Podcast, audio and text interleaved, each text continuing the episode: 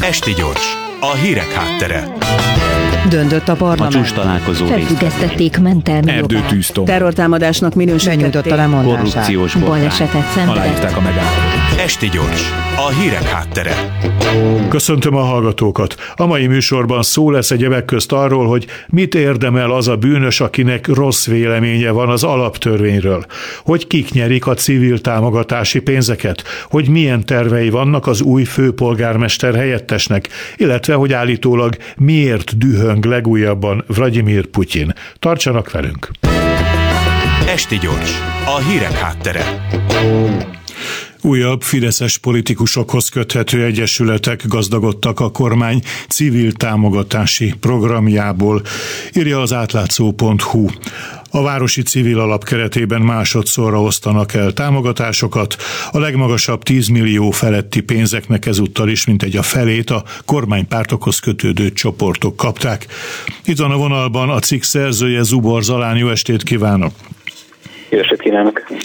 Először is eh, tisztázzuk, hogy miként viszonyul ez a városi civil alap a norvég alaphoz, ami a leánykori neve lenne ennek az alapnak?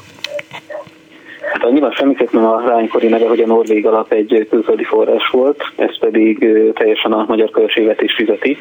A Norvég alaphoz úgy kapcsolódik a városi civil alap, hogy amikor lejárt az a határidő, amit a norvég partner korábban adott Magyarországnak a norvég alap kérdésének tisztázására, a kormány akkor hozott létre egy ugyanolyan összegű 4 milliárdos keretet, amiből szintén civil szervezetek kaphatnak. A norvég alap ugye azt tudjuk, hogy azért lett megszüntetve, mert magyar kormány nem tudott megegyezni a, azzal, hogy ezt a, kioszthassa el. Erre a emiatt vágták meg tulajdonképpen a teljes keretet a, a partnerek. A bár civil kapcsolatban ilyen probléma nincsen, mert ez teljesen a magyar költségvetés fizeti, és egy állami ö, VRT osztatja el. Ennek az eredménye aztán láthatóan az lett, hogy nagyon nagy részét ennek az alapnak politikai alapon osztják el. Igen, mondjon néhány példát arra, hogy menny, mely esetekben egészen konkrétan kimutatható az, hogy kormánypárti politikai körökhöz kapcsolódik bizonyos alapok, bizonyos civil szervezetek támogatása. Nagyon sok ilyen szervezet van.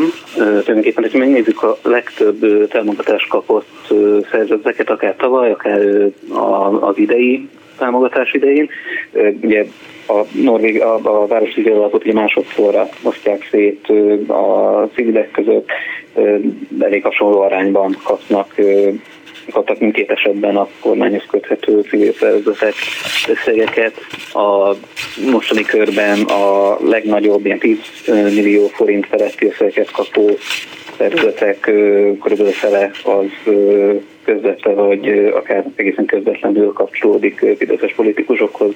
Itt például ilyeneket találunk, mint a német Szilárd féle ö, Birkóza Akadémiát, vannak olyan szervezetek köztük például, amik a Tálai Andráshoz kapcsolódnak, a, van több szervezet, ami a Fidesz alapszervezeteivel nagyon komoly átfedés mutat, vagy arról, vagy konkrétan valamelyik Fideszes alapszervezeti vezető, vagy önkormányzati képviselő a vezetője, illetve előfordul, hogy ezek a, a civil szervezetek ezek kampányoltak aktívan, akár már az idei választáson is a Fidesz valamelyik képviselőjének.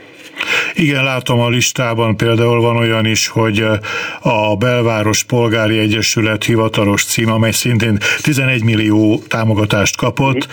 Ugye az ötödik kerületi Fide- Fidesz irodával azonos a címe, tehát a, a kapcsolódás az... Igen, van, ilyen, ilyen van még egy-kettő. Uh-huh. Na most azt mondja meg, legyen kedves, hogy ö, ezek a ö, odaosztások, ezeknek a, a, a verseny hátterét tudjuk-e? Tehát versenyben volt-e nem a fideszes körökhöz kötődő másik civil szervezet, ami valami hasonlóra szeretett volna pénzt kapni, tehát ilyet ki tudunk-e mutatni, hogy amelyiknek nem volt meg ez a pozitív kormánypárti kapcsolódása, az hoppan maradt?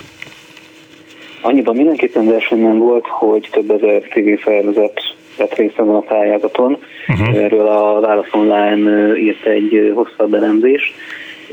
Úgy tudják, hogy 8000 jelentkező volt az elmúlt két évnek a, a város civil pályázatain.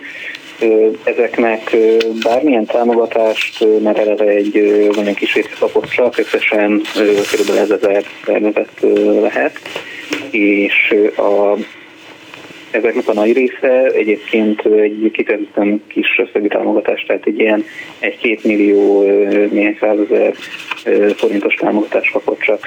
A legnagyobb támogatásokat, hogyha megnézzük, hogy, hogy kik abban teljesen egyértelmű a Fideszes szervezet túlsúlya.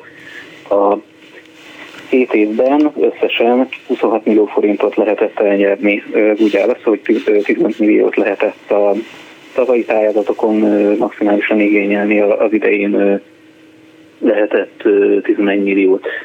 Ezt a 26 milliót, ezt kizárólag olyan szervezetek kapták meg, amik a kormánypártokhoz köthetők, ilyen például az említett Birkóza Akadémia, Összefogás, Új Budáért Egyesület, Új Budai Polgárok Egyesülete, ezek, ezek csupa politikai kötődésű szervezetek. Értem, de feltételezem, hogy jogszabályilag itt nincs semmi elmarasztalandó, belefér a jogi keretekbe, és diszkrecionális jog ennek adni, annak nem adni. Ezek papíron civil szervezetek, a pályázati kiírásnak a feltételé azok úgy lettek megírva, hogy hogy, hogy nem lehet nagyon beléközni abba, hogy, hogy ezt, ezeket a támogatásokat kinek ítélik meg.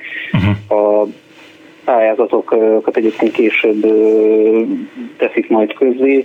Ezeket a tavalyi példák alapján egyébként nem írták túl, tehát néhány soros pályázatokról van szó, de a szigorú feltételek sem voltak a kiírásban ennek, úgyhogy ebbe, ebbe tulajdonképpen jogilag semmilyen módon ezt jogilag semmilyen módon nem lesz kifogásolni. Nagyon szépen köszönöm Zubor Zalánnak a tájékoztatás beszélgetést, viszont hallásra minden jót. Én köszönöm, viszont hallásra. Esti gyors.